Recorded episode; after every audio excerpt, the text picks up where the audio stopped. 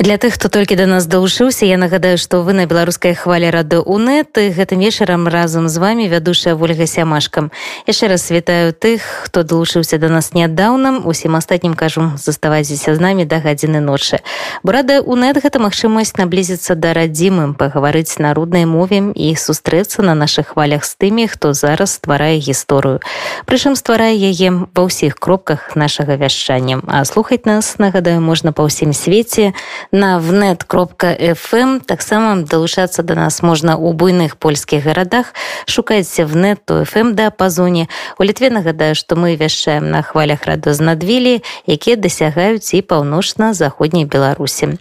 А зараз мне вельмі прыемна перадаць слова калегам якія раскажуць пра работу беларускіх журналістаў. У гасцях у алены прыходзька сёння сустаршыня беларускай асацыяцыі журналістаў барыс гарэцкі. Ён расказаў пра свой шлях у праваабарончую журналістыку вайну рэжыма з беларускімі журналістамі і планы на будучыню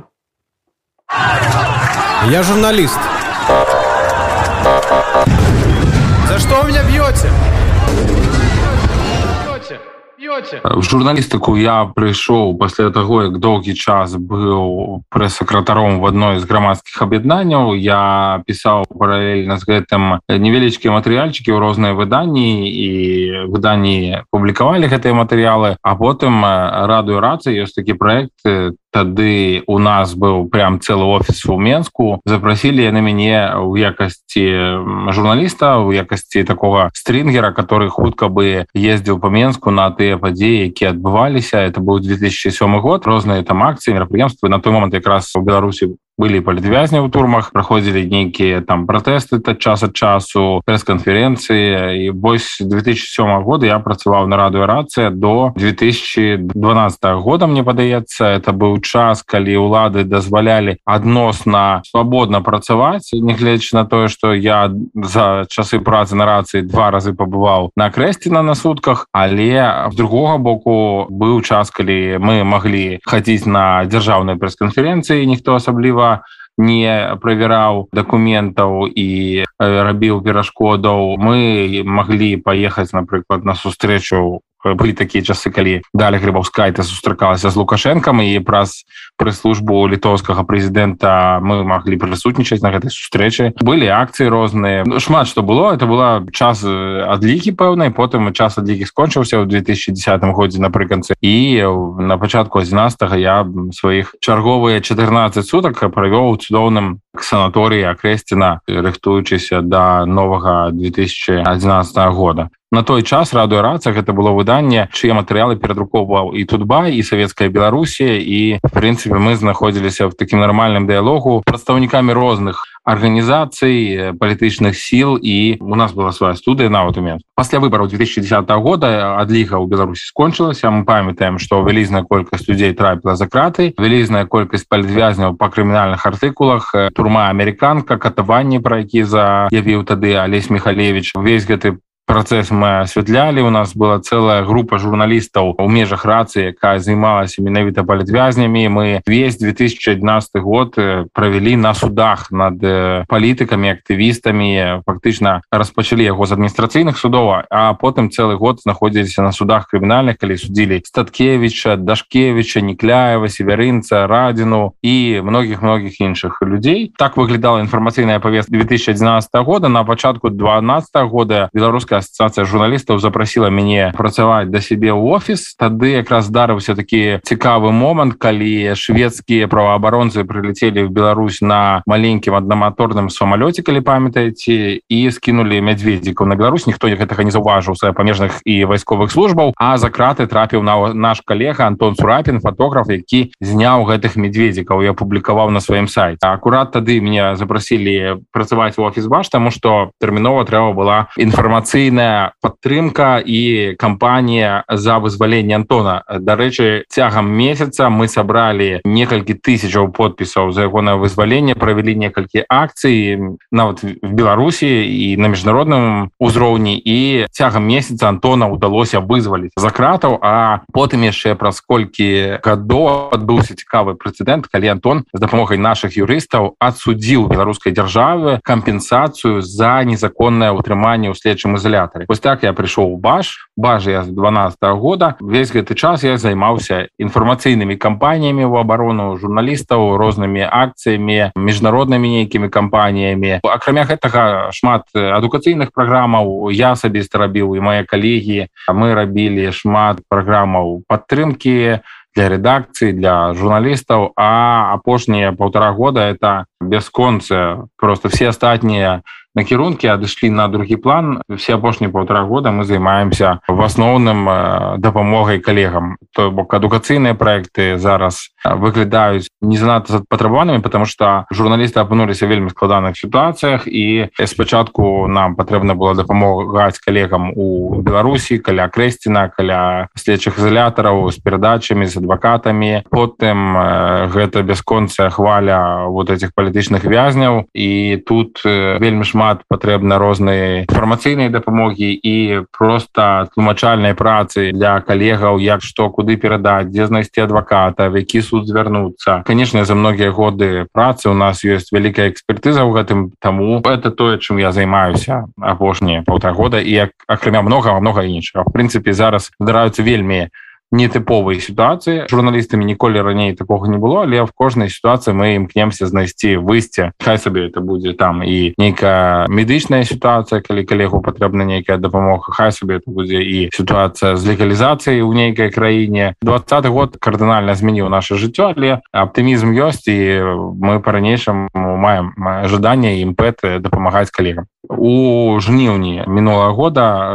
беларускія ўлады ліквідавалі нашу арганізацыю беларусі. Прычым вельмі падступна гэта было зроблена тому что спачатку была абвешчана нібыта проверка бажа а потым на наступны дзень пасля ператрусу і апечатвання офіса 14 ліпеня прыйшло рэджання міністэрства юстыцыі з патрабаваннем цягам там 5 дзён выправіць іх за ўвагі што мы фізічна не маглі зрабіць не маючы доступа нават да свайго офіса не ведаючы дагэтуль мы не ведаем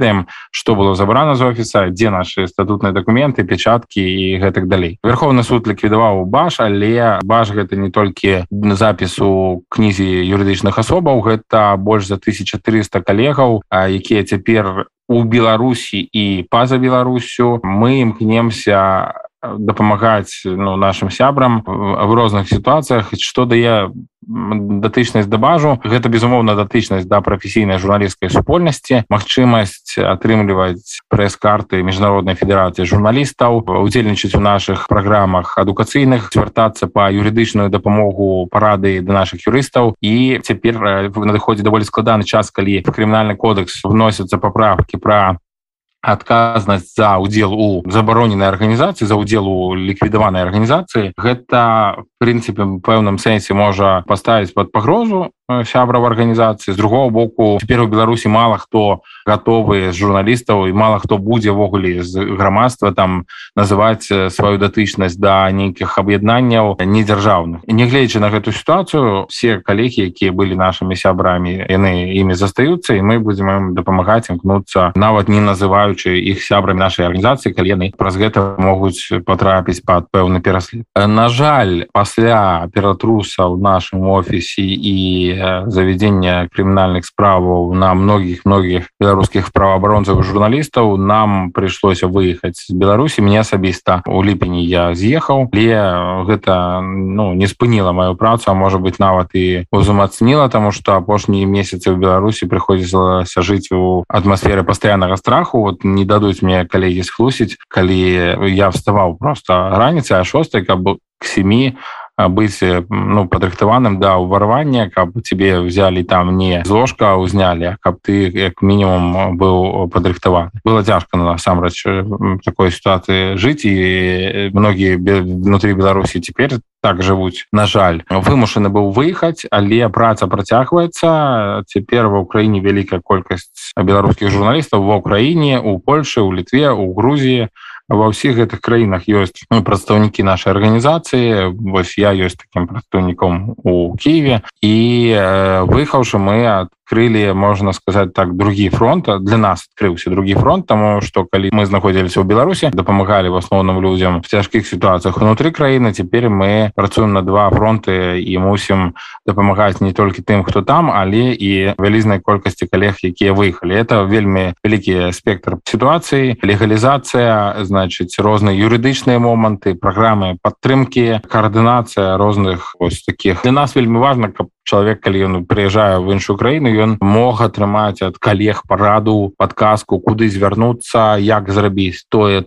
пятое десятое тое что патрэбна як атрымаць там неабходныя документы знайсці нейкія Мачыма стыпендую ці магчымасць працаўладкавання Ну вось гэтым ёсць другі фронт і на ім мне падаецца мы таксама маем пэўны поспех тому что тут ёсць зноў вось гэта слово которое уже напэўна стаміла ўсіх за апашнія полтора года это слово солідарнасць бо калі журналісты нават канкуренты былыя канкуренты ў беларусі апынаюцца за мяжой в новым асяроддзі ну, мы все одна сям'я мы все адзін аднаму дапамагаем з гэтым ніколі няма пытанняў тому что ну надзвычайная солідарнасць цяпер все в одной сітуацыі все вымушаны былі выехаць але все лічаць ну себе одной вялікай супольнасцю Ну гэта ёсць беларуская ассоциация журналістаў гэта ёсць нават шырэй потому что все калегі хто цяпер в гэтых умовах яны ну надзвычай солідарныя пачатак гэтага году мае ў сабе сумныя і пазітыўныя лічбы. Сумныя лічбы ў тым што 221 год улада жорстка нападала на журналістыку і прымяняла самыя моцныя механізм пераследу крымінальны пераслед. 32 наших калегі цяпер у следчых ізалятарах у няволі па крымінальных артыкулах. Калі раней мы сутыкаліся там з адміністрацыйнымі арыстамі з чымсьці такім цяпер калі калегу затрымліваюць то часцей за ўсё ён едзе ў следчы ізалятар. Просто распачата вайна зараз супраць журналістаў. Калі ты застаўся ў беларусі калі ты нешта робіш у тебя ёсць просто велізар регулярная погроза трапить за краты это лічба не памяншается а павялічваецца. Но это вельмі сумно тому что не бачна конца. І самое галоўнае что мы все разумеем что журналісты то дакладна нічога не парушалі нічога не рабілі калі хтосьці там пункту гледжання беларускай дзяржавы вадзіў нейкія калоны там не ведаю пратэсты арганізоўвал гэтак далей то ну калегі они просто асвятлялі да журналісты рабілі сваю працу вялі репортаж пісалі матэрыялы але ўлада бярэ закладнікаў гэта сумныя лічбы пазітыўныя факты і лічбы ў тым что многія выданні пасля летняга разгрому 2021 года калі былі разгромлены адразу многія рэдакцыі